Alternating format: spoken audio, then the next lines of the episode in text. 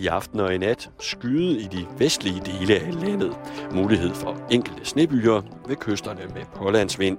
Temperaturer ned mellem frysepunktet og 3 graders frost. Nu er der halløj i betalingsringen, hvor Simon Jul bliver inviteret indenfor hos Sigurd Barrett. Og de to tager en snak om russisk rockmusik. Hej Sigurd, Hej Simon. og tusind tak, fordi jeg måtte komme forbi. Har du, du har fået kaffe? Jeg har fået dejlig kaffe i uh, endda i uh, er det en jubilæumskop. Det er jo en, virkelig en Danmarks kop, jeg har fået her. Våbenskjold, Dannebro, Kronen og Danmark nedunder. Ja, jeg ved faktisk ikke rigtig, hvor vi har den fra. Men øh, der findes faktisk et russisk band, der hedder Chornoya Kofie, som betyder sort kaffe. Så det er derfor, jeg synes, du skulle have den sorte kop. Fordi vi skal snakke russisk rock. Det skal vi, og så skal jeg sige... spasibo? Ja. Er det tak? Ja, det er det. Eller bolshoi. Spasiba, spasiba bolshoi, hvis du vil sige tak. stor tak. Ja. Mal- Malinki spasibo, det er så ikke så godt. Nej, det er en lille tak. Det, det skal man lade være med. Ja. Det er uh, spasibo bolshoi. Ja, hvis du er meget glad for kaffen. Men i dag skal det specielt dreje sig om, hvad en lidt yngre Sigurd, han øh, skrev et special i. Og det ligger her, kan se. Ja. Og det hedder noget så fint som Den, Den russiske rocks Historie. historie. Og der fik jeg at vide af en, af en god kammerat, at øh, forbudt musik, og der er mange lande jo, som har haft problemer, specielt med beatmusikken. Ja. I hvert fald i dens frie form. Ja. Helt fri form. Og så er der en, der siger, ham Sigurd Barrett der, han har, tror jeg altså, jeg tror altså, han har skrevet et speciale om russisk rockmusik. og, og vi mødes i, i vennerslag med vores gode venner fra Danmarks Radio Symfoniorkester. Ja. Og jeg går hen til dig og spørger, Sigurd, er det rigtigt, at... Og du siger ja. Og nu sidder vi her. Ja. Og jeg bliver simpelthen nødt til at spørge til at starte med. Hvorfor russisk rockmusik? Jamen, jeg har altid været fascineret af Rusland. Jeg tror, siden jeg var øh, lille, så var øh, hele det der Sovjet-imperium, øh, det var jo noget, der fascinerede. Det var også farligt. Man tænkte, kommer de flyvende? Og hvad med deres øh, A-bomber? Og øh, øh, du kan huske det der utrolige skræmmebillede, som det blandt andet øh, lykkedes Ronald Reagan at tegne af, af Rusland. Ondskabens imperium. Og Øh, Jeg kan huske, vi var, første gang jeg nogensinde var i Rusland, var på en, øh, en ekskursion med gymnasiet, hvor vi var derovre. Og hvor, og hvor jeg husker den der en ekstreme fascination af at krydse grænsen i bus over ved Finland, og, og, og tollerne, der splittede hele lortet ad, og tømte bussen for alt. Og hvis der var noget som helst, der var forkert, kunne man ikke få det med ind. Og man kunne bare se, at de stod med machine guns. Øh, og, og hvis der var... Øh, øh, altså, jeg, jeg kan huske, og, og det var jo selvfølgelig minus øh, 1000 grader, og øh, iskoldt, og, og, og, og det var sådan et symbol på den der kolde krig. Og jeg kan huske, vi gik jo rundt med badges, hvor der stod freeze, please, og stop the cold war, og den slags ting. Og samtidig var jeg ekstremt fascineret af den der kraft og power, der var øh, i øh, Rusland. Måske især det gamle Rusland, altså helt tilbage fra før Sovjettiden, det gamle Tsar-Rusland. Og når det blev til russisk rock, så var det fordi, at da jeg skulle skrive mit speciale på universitetet, der havde jeg en, en rigtig god makker, som er min bedste ven i dag, Nikolaj Hansen, som øvrigt også er ham, der har dirigeret Radio Symfoniorkestret rigtig mange gange i Ej, vores, øh, i vores øh, programmer, Sigurd og Symfoniorkestret. Men vi var enige, at vi ville skrive speciale sammen, og det skulle være et, et pionerprojekt. Det skulle handle om noget, som ingen havde skrevet noget om før. For vi gad nemlig ikke at læse alt for mange bøger. Vi ville hellere, hellere rejse ud i verden og forske i noget, som der ikke var nogen, der havde forsket i før. Og så faldt øh, ideen på russisk rock. Det var en veninde, vi havde, der hed Christine Halse, som fik øh, ideen, og vi blev enige om, det skal vi simpelthen gøre. Så vi lejede en lille båndoptager Øh, i den lokale radioforretning, og så gik jeg på et AOF-kursus og lærte øh, 200 russiske ord, sådan til husbehov. Og Nikolaj havde øh, læst sidefag på universitetet i russisk, så han kunne også tale lidt russisk. Og så købte vi en flybillet, og så rejste vi ellers afsted. Og så var vi derovre fem gange og satte os for at interviewe alt, hvad der kunne krybe og gå af russiske musikere, pladeselskabsdirektører, øh, rockklub, indehaver, publikummer, alle mulige, som havde forbindelse til øh, musikken i øh, Rusland, og, og, øh, og for dermed at kortlægge russisk rock. Og det udmyndtede sig simpelthen i den russiske rocks historie, som blev det her værk, du sidder med på 300 sider. Det er kæmpestort. 80 interviews lavede vi. Øh, nogen på engelsk, nogen på tysk, nogen på fransk, nogen på russisk, nogen på fuldemands snak. Øh, det var alle mulige former for interviews. Og der var vi jo også selvfølgelig kildekritiske og sagde, om hvilke interviews stoler vi virkelig på, og, mm. og, og, og hvilke øh, er mere sådan øh, kuriøse. Så det var faktisk lige der omkring, hvor Jeltsin øh, kupper ja. øh, Gorbachev. Det gør han jo i, øh, i 1991, hvor han stiller sig op på kampvognen, den berømte scene der øh, på, på den røde plads, Moskva. Det gør han i 91. Så det var lige omkring det, så vi nåede at være der, inden murene faldt, og inden det holdt op med at hedde Sovjetunionen. Så vi oplevede faktisk lige den der brydningstid. Fordi det, det der jo var helt særligt omkring den russiske rockmusik, det var jo, at det var, en, øh, det var ungdommens stemme. Det var en, øh, en, en, en måde at få frihed, en, en, en måde, og ytringsfrihed har der været så meget at snakke om, mm. som jo var en, en af de ting, man ikke havde. Man havde bare ikke lov at sige, hvad man ville, for det skulle ligesom passe ind i uh, ideologien. Men hvad var russisk rocks præmisser under, øh, altså under Sovjetunionen, i Sovjetunionen? Jamen, det er meget sjovt, fordi hvis, altså, hvis vi starter helt tilbage i 1917, hvor revolutionen er der, det er jo Lenin, som øh, gennemfører revolutionen og slår zaren og alle, hele adelen der ihjel, og nu skal det være folkets stemme. Der, der, skal, der, man jo, der skal man jo udvikle en ideologi for den her nye øh, øh, Sovjetunion, og den skal jo også gælde på kulturområdet. Og der prøver man faktisk at lave en slags øh, øh, ideologisk musikrepertoire. Det vil sige, at der skal synges sange, som handler om, om folket, om solidariteten og, og, og, og, og prise øh, Lenin osv. Og der begynder jazzen jo at, at spille. Den begynder jo at brøle løs i øh, USA, lige præcis øh, i de år. Og det er klart, at uanset hvor mange grænser man, man laver rundt om et land, så kommer den jo altid ind alligevel. Sådan er det jo bare. Fordi om ikke andet, jamen, så er der nogle øh, partibosser, der rejser udenlands, og de køber jo altså en plade med hjem.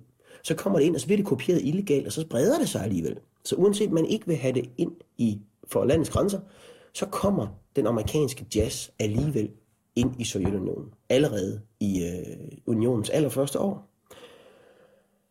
Og der gør man altså det, at man øh, decideret forbyder den, fordi man ser den som udtryk for vestlig øh, dekadence jazzmusikken som sådan noget øh, frihed. Altså alene det at improvisere, det kan du godt se, at hvis man improviserer, det er jo det samme som frihed. Ja.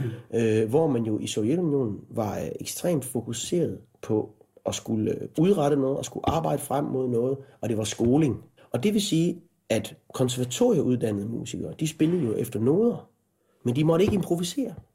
Og derfor så indførte man regler om, at man må ikke improvisere. Altså for det første var det forbudt at spille musik, hvis man ikke var konservatorieuddannet offentligt. What? No.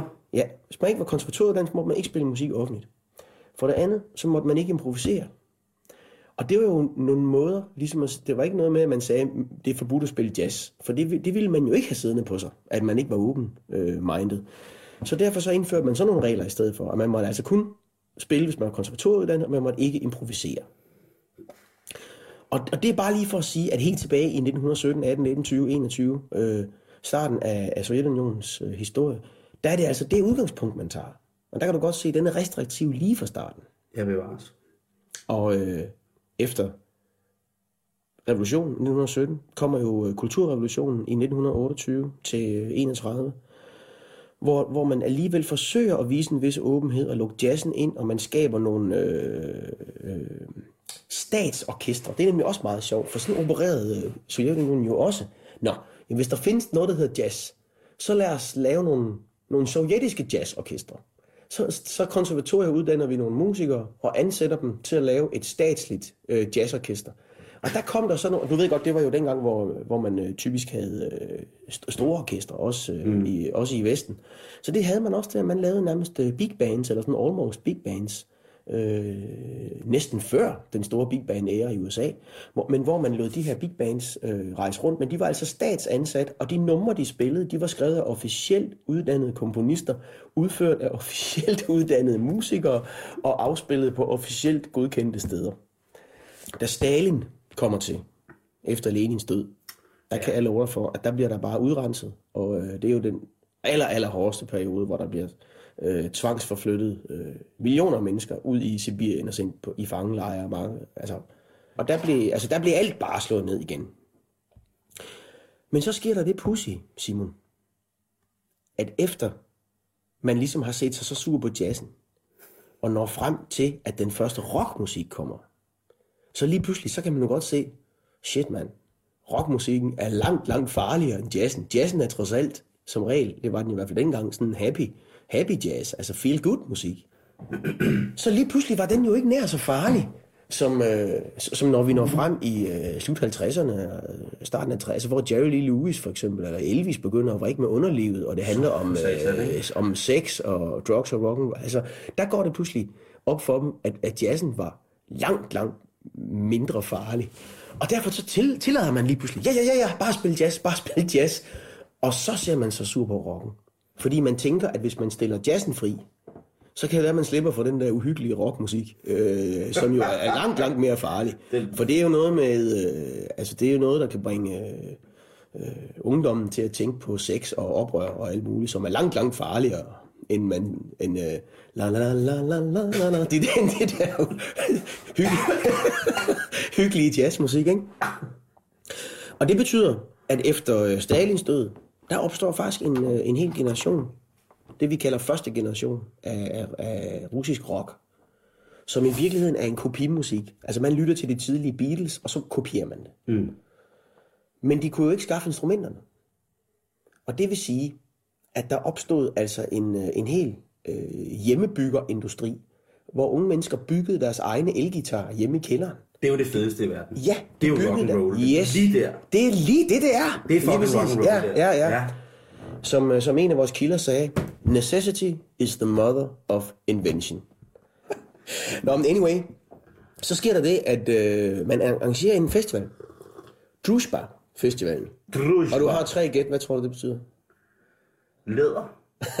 Nej. Nej. Drusba. Jeg ved det ikke. Nej. Venskab. Venskab selvfølgelig. Ja, ja. Det er derfor, hvis du skåler med en russer og siger Zadrusba, så siger du for venskabet. Russere skåler jo altid for noget. Ja. Det der med bare at sige skål, det er jo, det er jo kun også øh, vikinger, der bare synes, det kun gælder om at hælde noget, noget ned i kloakken. Russere, de skåler altid for noget. Nå, men Drusba, ja. der laver man en, en statsfestival, som er den første rockfestival, hvor, hvor, hvor man virkelig godt må spille rockmusik, og hvor man siger, okay, vi kan mærke, at det her rockmusik, det findes. Så lad os nu få styr på, hvem det er, der spiller det, og hvad det er, de spiller. Og derfor arrangerer de øh, den første Drusba Festival, og de, og de skaber ovenikøbet også et statsorkester, som hedder Drusba, som igen får tilladelse til at spille, men med den ene lille ting, at øh, teksterne skal gennem en censur. Selvfølgelig. Og så sker der faktisk det ret utrolige, at de får den præsident, der hedder Khrushchev. Og der er der kulturelt tøbrud. Og det er nemlig interessant, Simon, for i det øjeblik, magthaverne siger, ja ja, spil I bare så har du ikke så meget at gøre oprør imod. Nej. Og det betyder, at så bliver teksterne og musikken faktisk lige pludselig ikke så, øh, så systemfjendsk, og så, så systemkritisk. Og digterne, som jo altid har været nogle af de farligste, må skrive, hvad de vil. Og det betyder, at, øh, at den første generation der, 60'ernes musik, den var faktisk ikke så farlig. Fordi at systemet ikke var så bange. For rockmusikken. Så det var, det var blevet lidt øh, blødt op. Men det kan også være, at hvis man kommer fra går fra Stalin til Khrushchev. Ja, det er det. Og sige, at der, der skal også meget få ting til, før tingene bliver bedre, kan man sige, eller løsne op. Ikke? Altså, man vil gerne stille sig i bedre lys efter, at man kan sige, hvis tænk nu, hvis der var nogle systemkritiske elementer i, ja. Under Stalin-tiden, som stillede sig ud fra og kiggede sådan lidt objektivt på tingene og sagde, hvor voldsomt har det her været for vores folk, ikke? Mm. Og så kommer Khrushchev, og så har de selvfølgelig fået mæsket sig ind, for det, det kunne de jo, de der gamle overløberlobbyister. Det kunne de. I, så det sige, kunne de. Prøv du, ved du hvad, gamle, du, Khrushchev, kunne vi ikke lige, ja. hvis nu for eksempel, så bliver der i hvert fald ro på den front, ikke? Hvis du nu ja. lige siger til de der musikere og kunstnere, ja. prøv at høre, fold jer ud, mand. Ja, og så farlige er de sikkert heller ikke. Vi sidder godt nok på flæsket her, ikke? Ja. ja. Så der var ligesom sådan en, øh, ikke øh, en stillestand, men der var en, en ud, altså, hvor rocken kunne ligge og sunde sig lidt i sin egen, sin egen fedhed, fordi det ikke var forbudt. Det kan man sige, og, øh, og, og hvor der også kunne vokse øh, meget kreativt frem. Men i virkeligheden var den periode ikke så kreativ. Det var primært kopimusik, fordi man, havde, man var ikke nået til at gøre den original. Det handlede om at, at, at, at spille og synge chill up to yeah, yeah, ligesom med børn, der sådan prøver at kopiere og synge. Øh, uden, der var mange forsanger, der ikke vidste, hvad det betød, for de havde ikke engelsk i skolerne.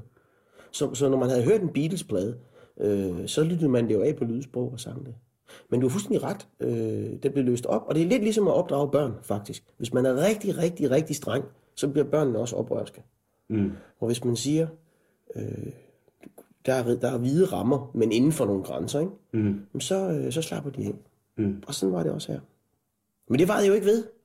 Nej, For så, så kom jo en anden præsident. Ja. Ham der med de store øjenbryn. Kan du huske, hvad han hed? Brezhnev. Ja. Og der kan jeg love dig for, at der kommer andre boller på suppen. For han øh, undertrykte kulturen, så det gjorde noget. Så ovenpå den der øh, periode med Khrushchev og det kulturelle tøbrud, der kommer Brezhnev, eller Brezhnev, og der kommer der det der meget, meget interessante, at, at altså man siger, tryk avler modtryk. Mm. I det øjeblik, man så begynder at undertrykke kulturen, vup, så begynder den at blive mere aggressiv. Godt nok forbudt og illegal og rundt i kældre og i øh, barakker ude på landet, alle mulige steder, hvor man ikke måtte. Men det fandt sted. Og lige pludselig bliver musikken politisk. Fordi når Brezhnev og hele det regime kommer og siger, I må ikke spille, og I må ikke synge de her systemkritiske ting, så kan jeg med lov for, at så er der, kommer der gang i de kreative kuglepenne, ikke? Ja. De oprørske kuglepenne. Og der sker der også det, at musikken begynder at blive øh, russisk sproget.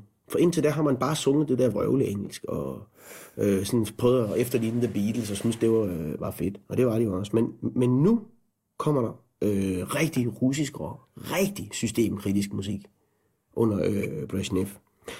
Og måden systemet øh, reagerer på, det er igen ved at sige, godt, lad os ansætte nogle, nogle rockorkestre, for at vi øh, kan tilfredsstille folkets øh, sult. De, folk vil åbenbart høre det her musik. Vi er nødt til at prøve at kontrollere det på en eller anden måde. Lad os ansætte nogle bands.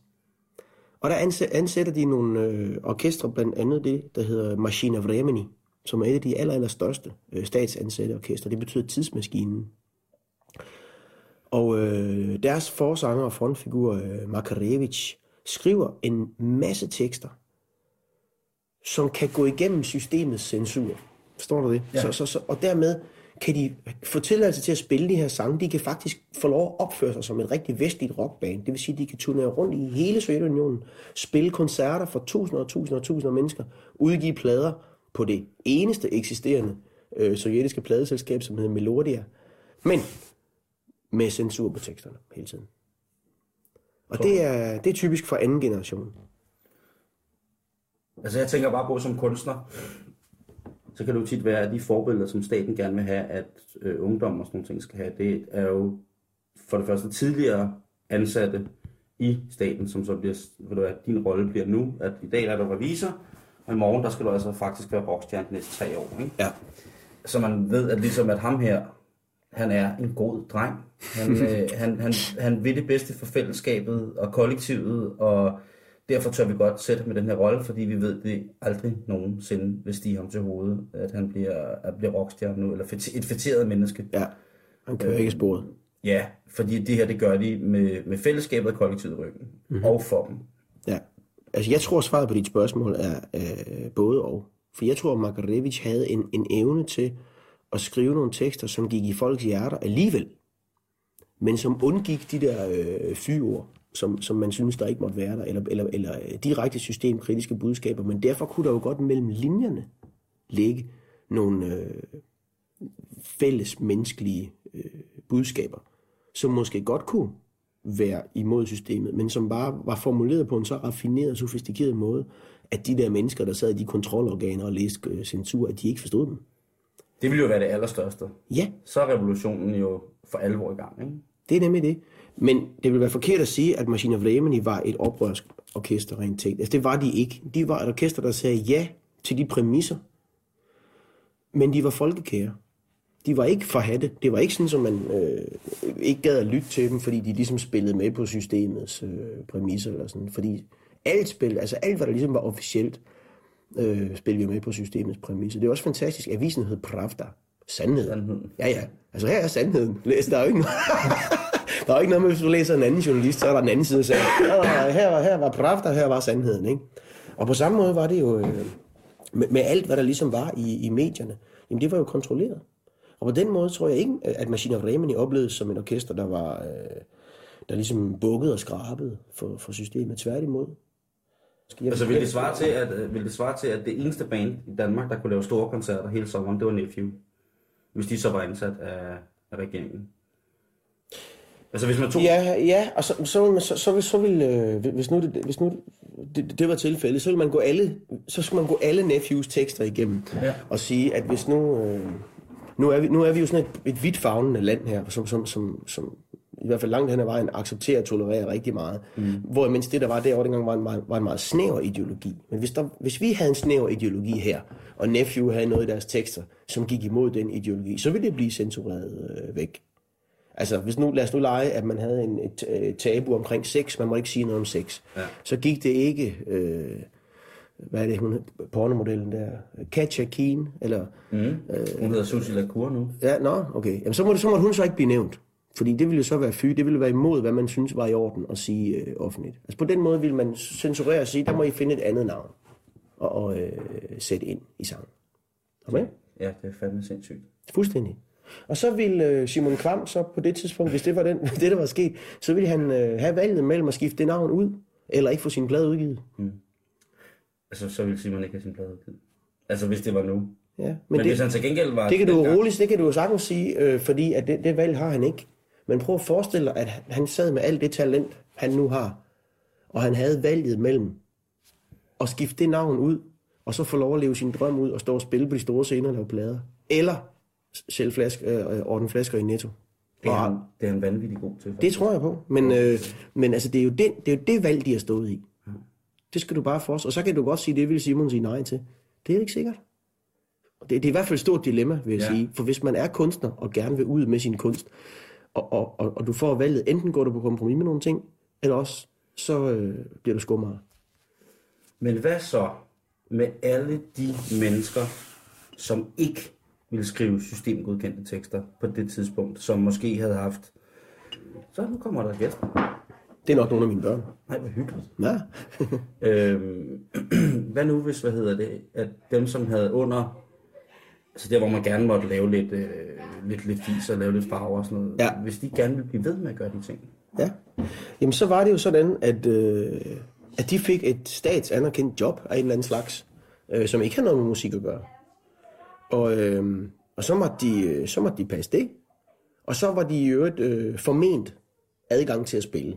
Og det vil sige, hvis de alligevel bare ikke kunne lade være med at spille, jamen så måtte det foregå illegalt. Og der skete der jo det, at man indførte øh, regler for, hvornår der måtte finde koncerter sted. Hvordan måtte de koncerter være? Hvem måtte spille? Hvad for noget musik måtte de spille? Og det vil sige, at hvis man virkelig ville øh, spille øh, noget musik, øh, jamen, jamen, kommer så der en masse børn. Ja, det gør der. Hej. Hej. Hej. Nå, vi sidder og snakker om russisk rock. Meget interessant. Hvad skal I? Vi skal lave hvad? Skal I lave? Robot. Robot. det er bare at tage det, ud- det er bare at tage det ud af posen. Nej, men øh, jamen, Så indførte man regler om, at for eksempel måtte man ikke øh, spille rockmusik. Øh, man måtte ikke spille musik, hvis ikke der var blæserinstrumenter. Man må ikke spille rytmisk musik uden blæserinstrumenter. Der skulle være mindst tre blæserinstrumenter. Og det gjorde man jo, fordi man vidste, at, at der var ikke øh, blæser i rock. Så tænkte man, så spiller de nok jazz, og det er jo mindre farligt, ved vi alle sammen. Og derfor er der jo eksempler på, at der var bands, som, øh, som øh, spillede koncerter, hvor der stod tre blæsere på scenen, som ikke spillede. Men dem havde de bare hyret og havde med, fordi så var det lovligt. Eller også var der den anden mulighed, og det var langt mere udbredt. Det var, at det foregik illegalt i kældre, eller øh, nedlagte øh, landeejendomme, eller hvor som helst. Og så har man bare øh, lavet rygtet øh, sprede sig. Du skal huske, altså der var ikke noget med mobiler, sms-kæder, øh, net eller noget som helst. Altså alt er jo foregået helt akustisk, at man har måttet sige til hinanden, den aften der, cirka det er det tidspunkt. Og det betyder jo også, at de måtte have vagter stående rundt, og hvis der var en vagt, der kunne se, at, øh, at myndighederne var på vej, ja, så var der kun den ene mulighed at løbe hen og advare. Man kunne ikke sende en sms eller advare eller noget som helst. Det var bare ikke en mulighed. Og der er der altså historier om øh, retssager, hvor, der, er- hvor myndighederne har opdaget sådan en koncert og har arresteret hele orkestret og alle publikummer. Og, og alle er røget i, i, i, øh, i øh, fængsel for at spille rockmusik. det er jo sindssygt. Men det er jo også, altså igen, hold kæft, tænk at kunne have fortalt sine børn, at man blev arresteret for at gå til en rockkoncert. Ja. Det, det er noget af det mest, det, det, er, Ja. det, det er det stærkeste rock and roll, der findes i mit hoved. Ikke? En af de stærkeste historier, vi nogensinde fik derovre, det var, at vi øh, interviewede en jazzmusiker ved navn øh, Kaz- Kozlov. Han har spillet saxofon øh, hele sit liv.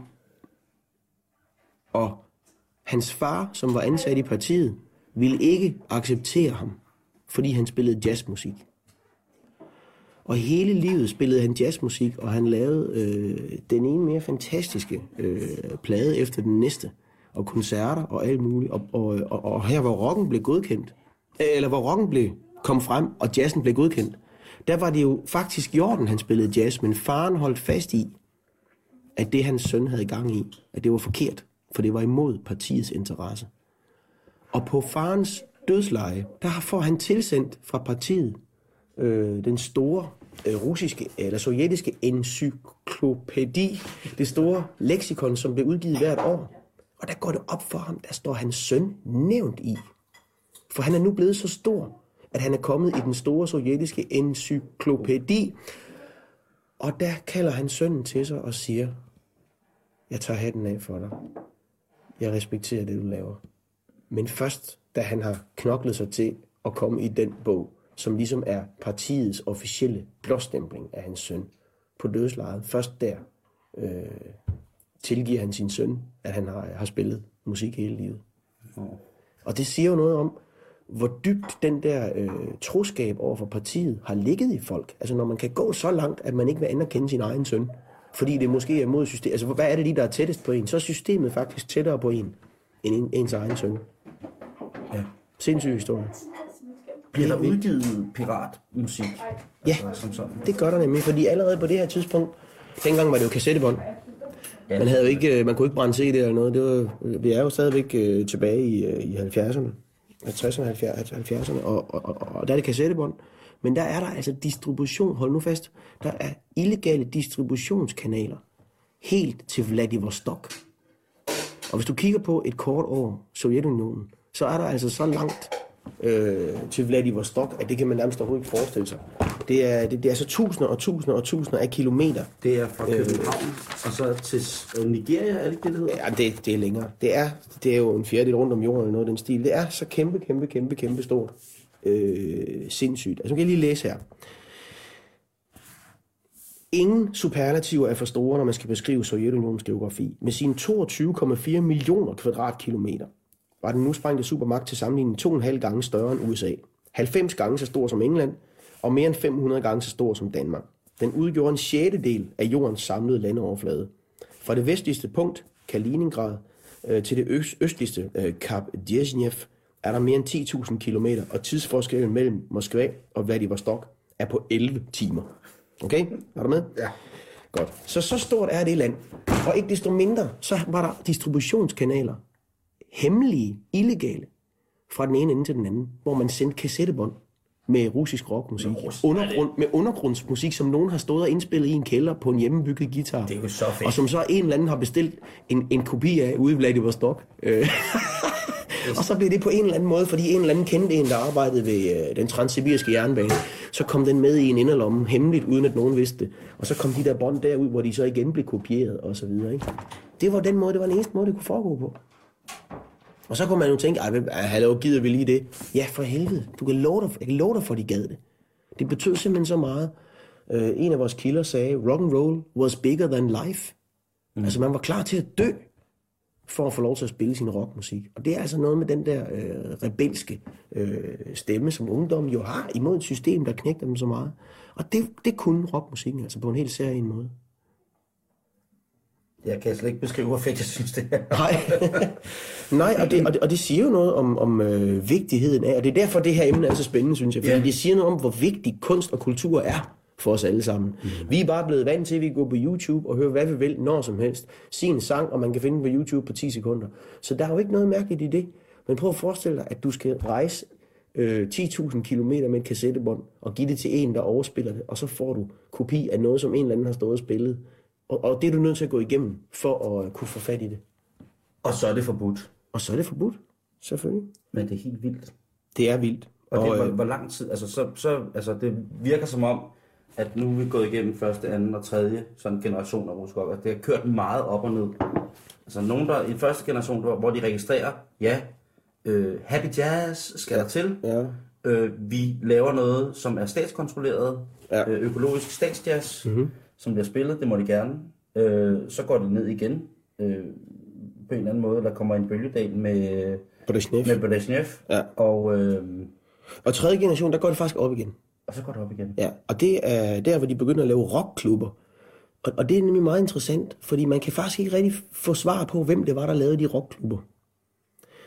Øh, vi talte med, øh, og det var faktisk den allerførste, vi interviewede overhovedet. Det var den eneste kontakt, vi havde, da vi rejste hjemmefra. Det var øh, præsidenten for øh, Leningrads rockklub. Øh, Mikhail, Nikolaj Mikhailov hed han. Og når han fortæller om, hvem der egentlig tog initiativ til det, så er det sådan en mærkelig blanding af, at på den ene side, så var det imod systemet, men på den anden side vidste systemet det godt. Og det vil sige, at konklusionen må være, der kommer sms'er her, Det er godt. øhm, ja forhåbentlig, konklusionen må være, at systemet har tænkt, vi laver nogle rockklubber. Fordi så, så vil de bands melde sig ind i de rockklubber, og så har vi styr på, hvor de er henne. Men hvis de ved, at det er os, der laver dem, så melder de sig jo ikke ind. Derfor så skal det hedde sig, at det er nogle klubber, der er imod systemet. Og derfor så blev det, øh, nogle, det blev lavet som nogle selvstændige units, der havde deres egne præsidenter, og hvor man ligesom følte, det her det er vores eget, her kommer myndighederne fandme ikke, her kan vi spille, hvad vi vil, vi kan sige, hvad vi vil. Øh, I Moskva gjorde man det, at man øh, annoncerede, at nu åbnede der en musikforretning om to måneder, hvor alle kunne komme lovligt og købe musikudstyr. Og det musikudstyr, det måtte man også få lov at spille på i Moskvas rockklub. Det eneste, man skulle gøre, det var at komme og skrive op, hvad for et band man spillede i, og hvem der, hvem der var bandmedlemmer. Og det betød jo, at det væltede ind med, med, med alle de der hemmelige bands, som kom ind og skrev op, hvem de var. Da så alt det var blevet registreret hos KGB, øh, Sikkerhedstjenesten, så blev alle planerne skrinlagt, og der åbnede aldrig nogen butik, og der blev aldrig nogen koncerter. Men på den måde havde de fået et register. Altså sådan opererede de. Og man kan næsten ikke holde det ud, vel? Men det gjorde de. Ja, øv. Men det gjorde de. Sådan, øh, sådan opererede de. Så slemt var det ikke i, øh, Leningrad. Hvorfor var det altså ikke det, der hedder St. Petersborg nu. Jamen det er fordi, at magtens centrum har altid været Moskva. Det der Kreml er, det der økonomien er. Mm. Man siger jo altid, at altså 90 procent, og det gælder også i dag, 90 procent af Ruslands økonomi er i Moskva. 5 procent er i St. Petersborg, og 5 procent er i hele resten af det der megaland, som jeg lige beskrev. Så det vil sige, at i Moskva har vi i dag verdens dyreste øh, kvadratmeterpriser, og det er det. Øh, både for bolig og, og business og så videre. Og så kører du kun øh, 200 km ud fra Moskva, så kører de rundt med en, en hesteplov, altså fra øh, 1600-tallet. Eller- For det, det, det er så store er kontrasterne, ikke? Men i Leningrad, der var der ikke øh, øh, pres fra myndighederne på samme måde. Og det betyder, og nu kommer der nemlig noget fedt, at i Leningrad rockklub, der opstår der et ekstremt kreativt miljø. Fordi de ikke hele tiden bliver kontrolleret. Og nu ved jeg ikke, nu er det her et snakkeprogram, men ja. hvis jeg må spille lidt musik, Det må du gerne. så vil jeg nemlig gerne spille øh, noget af et af de bands fra Leningrad. Hvis der er Øh, noget, jeg- som vi spiller, som vi gerne vil spille. Ja, ja. Ja, ja. Du, skal du censurere det først? det er det band, der hedder DDT, og dem synes jeg er øh, fuldstændig fantastiske. Øh, og de er et godt eksempel på, øh, på den der øh, meget kreative øh, musik fra, øh, fra, fra, fra, fra, fra Leningrad. Skal jeg måske lige beskrive coveret for, rockklub. coveret for lytterne, så er det altså et klassisk øh, LP-cover mm. i øh, givende dimensioner, og så står der DDT med, øh, med, med, med kyrillisk, cyrillisk skrift, han har sagt. Kyr- Med- kyrillisk, ja. Kyrillisk skrift, og det er inde i, i, øh, i selve øh, bogstaverne er der utrolig meget kunst. Ja. Dødningehoveder, crossbones, som ja. det hedder populært, dollartegn, mm. øh, kors, fredstuer, Ja. stjerner, øh, et glas vin på hovedet, ser jeg måske også, Peace-tegn. hagekors. Ja, det er sindssygt. Øh, det, er, det er stærke sager, Ja. Sigurd. Og DDT, det er jo gift. Ja. DDT er gift. Yes. Og det, der er meget sjovt, det er, at man forestiller sig, og det er det vildeste, vildeste, vildeste heavy, men det er det faktisk ikke. Altså, når vi hører det, så lyder det forholdsvis fredsommeligt. Men der skal du, for, du skal tænke på, at i forhold til tiden, og i forhold til, hvordan tingene var, så var det rigtig rebelsk. Hvad skal Øhm. vi høre for det nummer, Sigurd? Jeg synes bare, du skal sætte det første på, som, øh, som, er, som er rigtig godt. Lad os prøve at høre det. Og jeg er ikke sikker på, hvad nummeret hedder. Men det må være det her. Øh, Colvier... conveyer eh, ili ili pretienj paruski. Yeah. Yeah. Deal.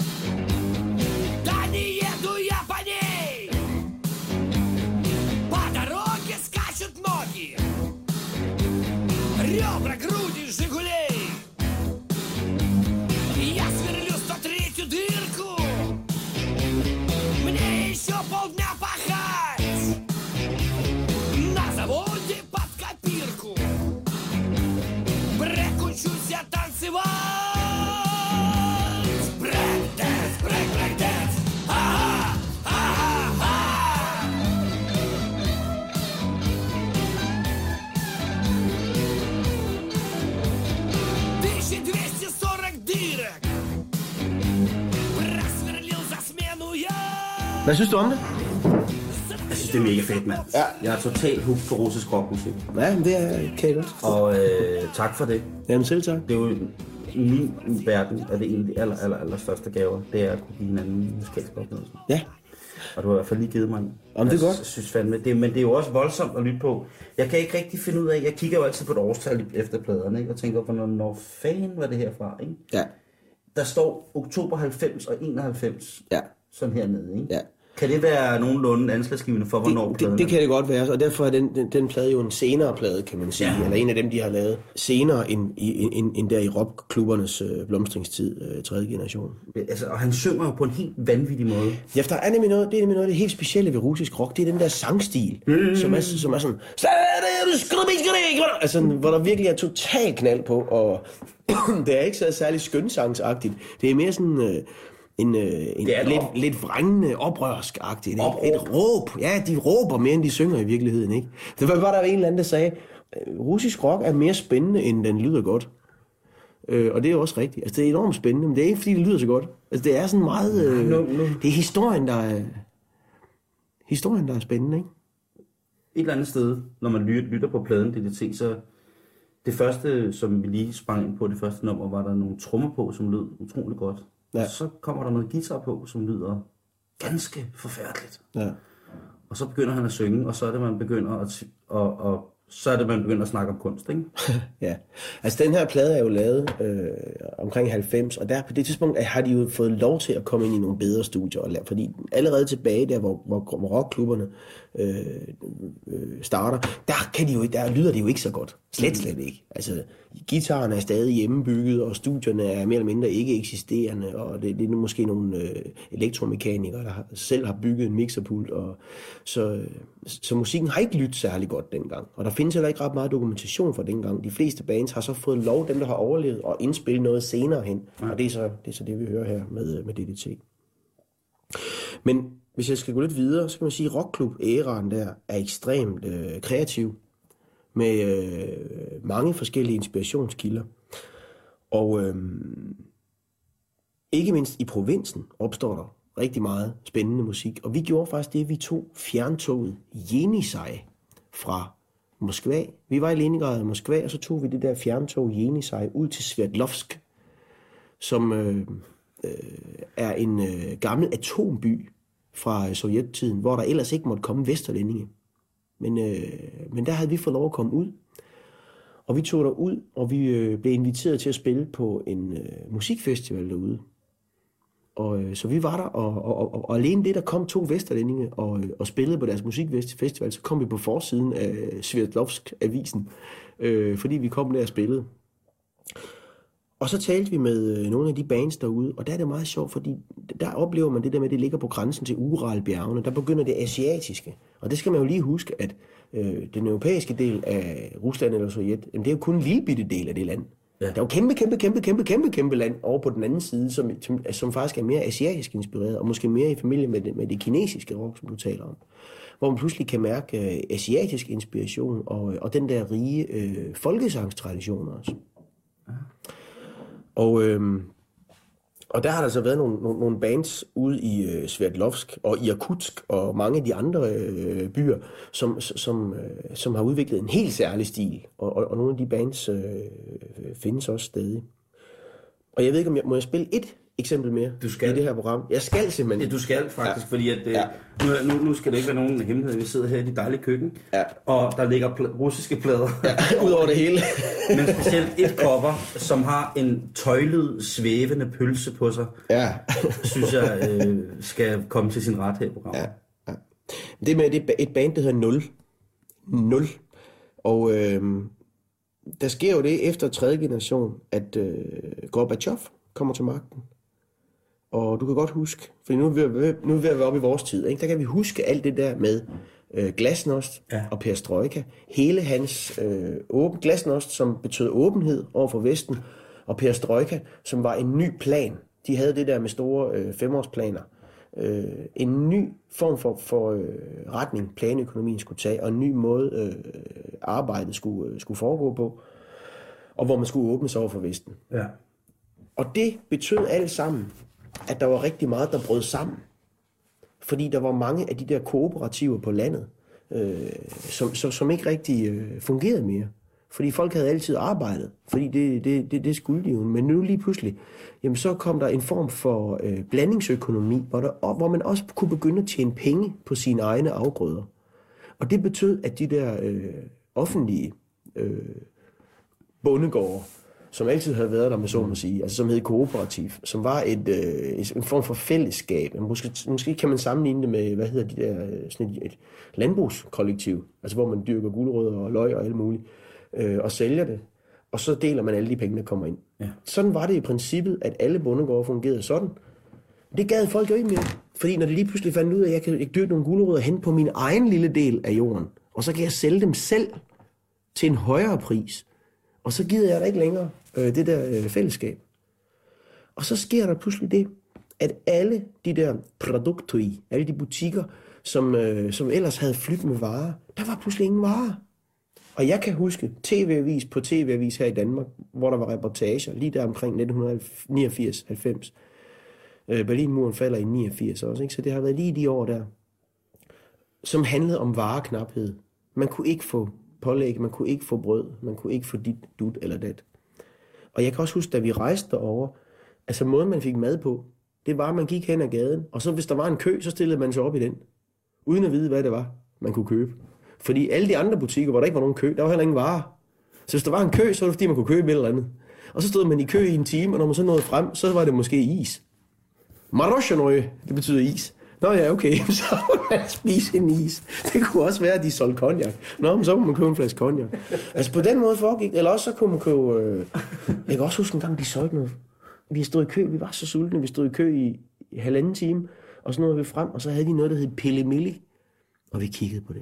Og, og det var jo bare sådan, vil, vil I have det, eller vil I ikke have det? Det var ikke noget med, nej, jeg vil hellere have den der anden en, eller der er ketchup på, eller... Nej, der var Pille Milli, eller også var der ingenting. Man havde stået i kø i en time. Og vi kom til at snakke, hvad er det foran også? Eller hvad er det for noget? For det lignede altså sådan nogle, øh, jeg ved ikke hvad, øh, smurt ind i, eller kogt ind i noget. Men der var jo ikke andet for. Vi spiste. Og det, vi lever jo endnu. Men altså, det er bare for at beskrive den tid.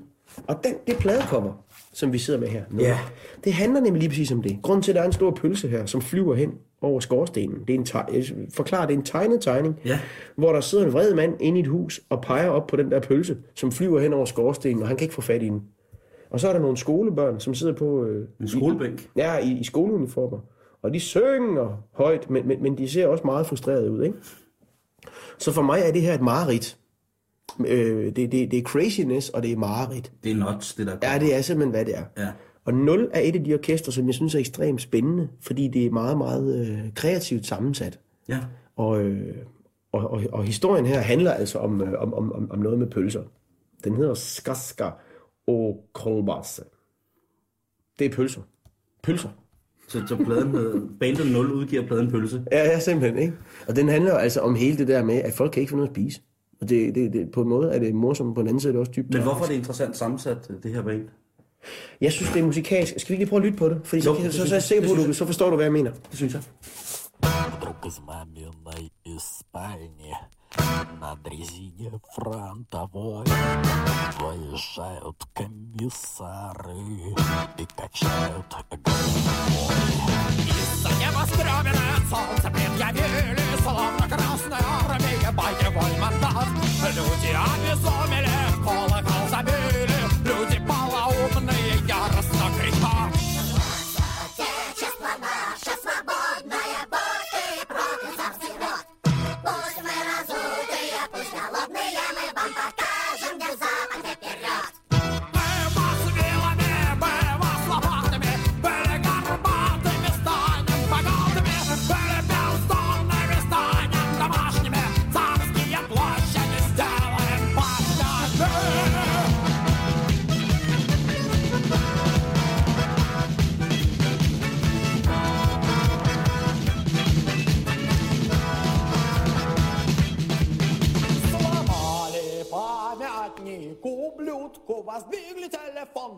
Nå, hvad siger du så?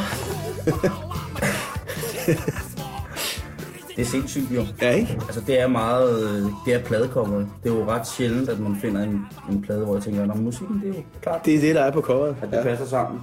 Craziness, øh, vildskab, anarki. Altså det var jo det, vi hørte her, har jo, altså, kan kun være mærkelige mennesker med pølser flyvende over deres huse. Ja, ja. Der er sådan, der, det smager også lidt af noget, noget Balkan på et tidspunkt. Altså, der, harmonika giver jo altid en stemning. Det er nok i virkeligheden for sjældent, jeg hører rockmusik med harmonika i. Det, det, på den måde er det en sjov blanding, de har, af, at de vil gerne være sådan uh, symfonisk rock, men så, så blander de der folke, folkloristiske elementer med øh, ind, ikke? Og så den der stemme, som...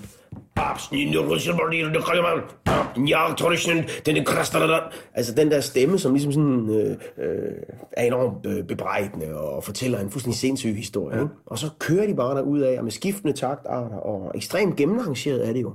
Ja, det man meget, sige. meget øh, gennemarrangeret.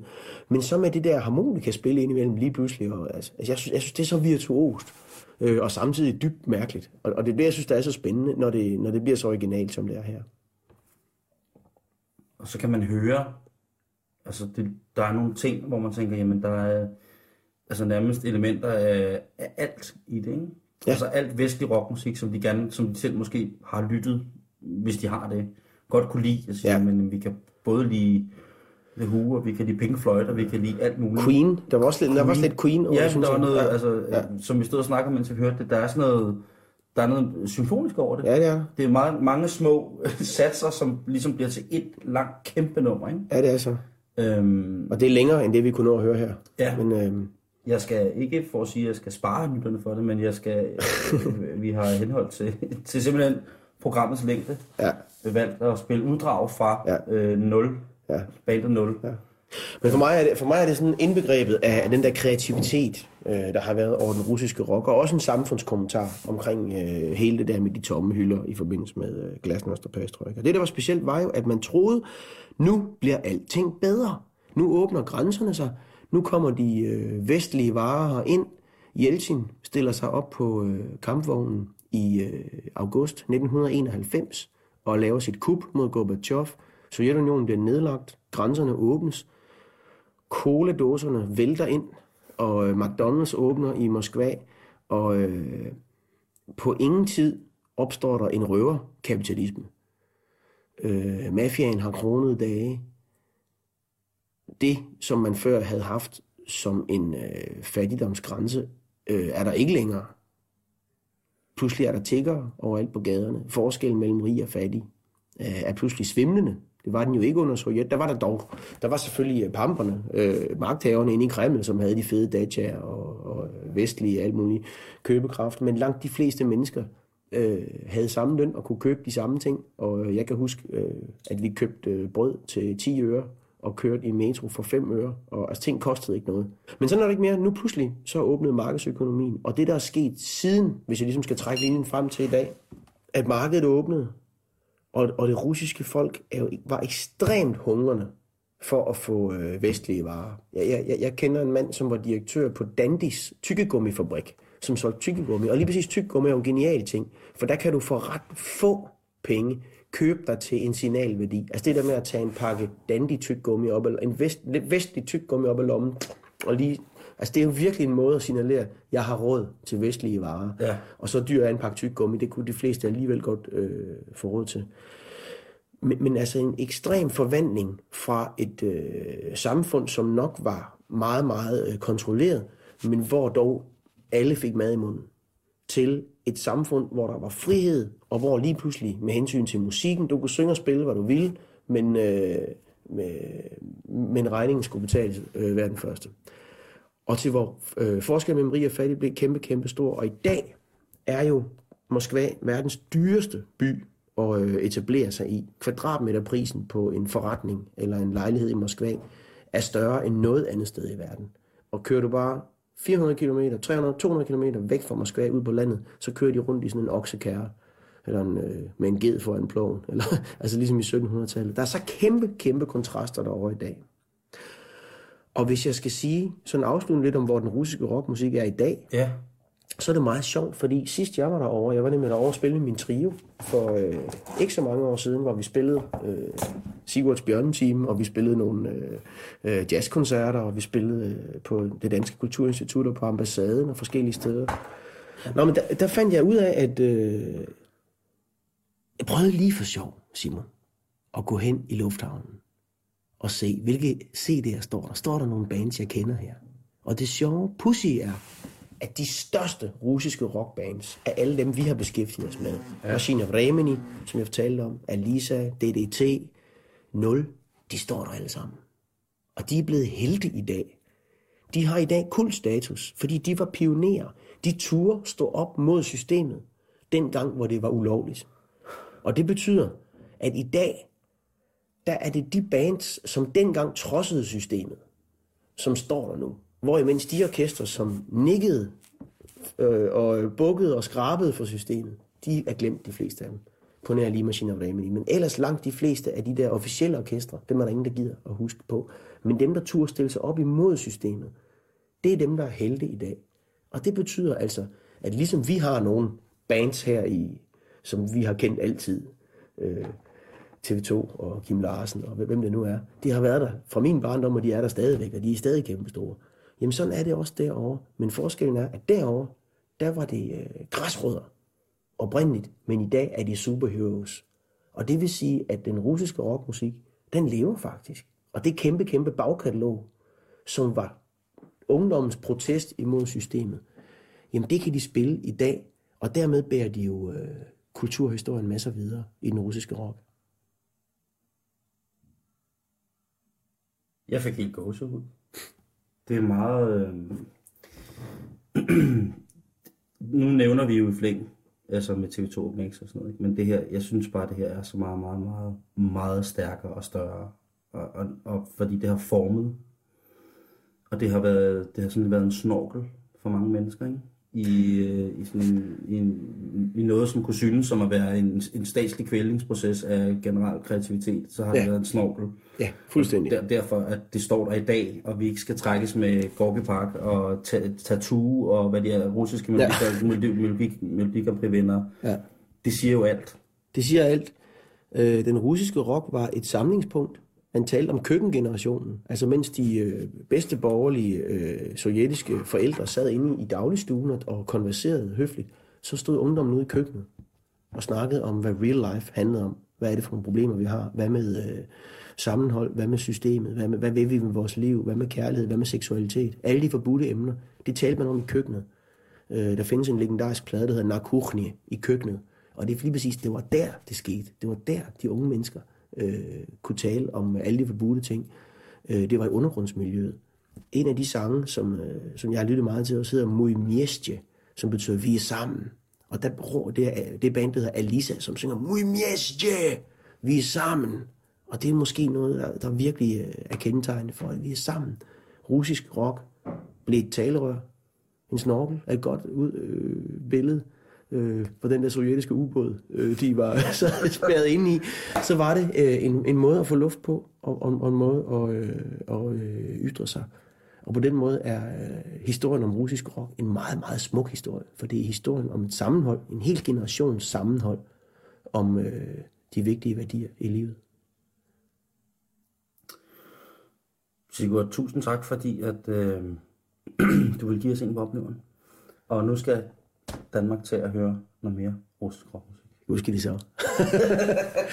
kan du have det godt? I lige måde. Tak fordi jeg måtte være med. Tusind tak, fordi du ville.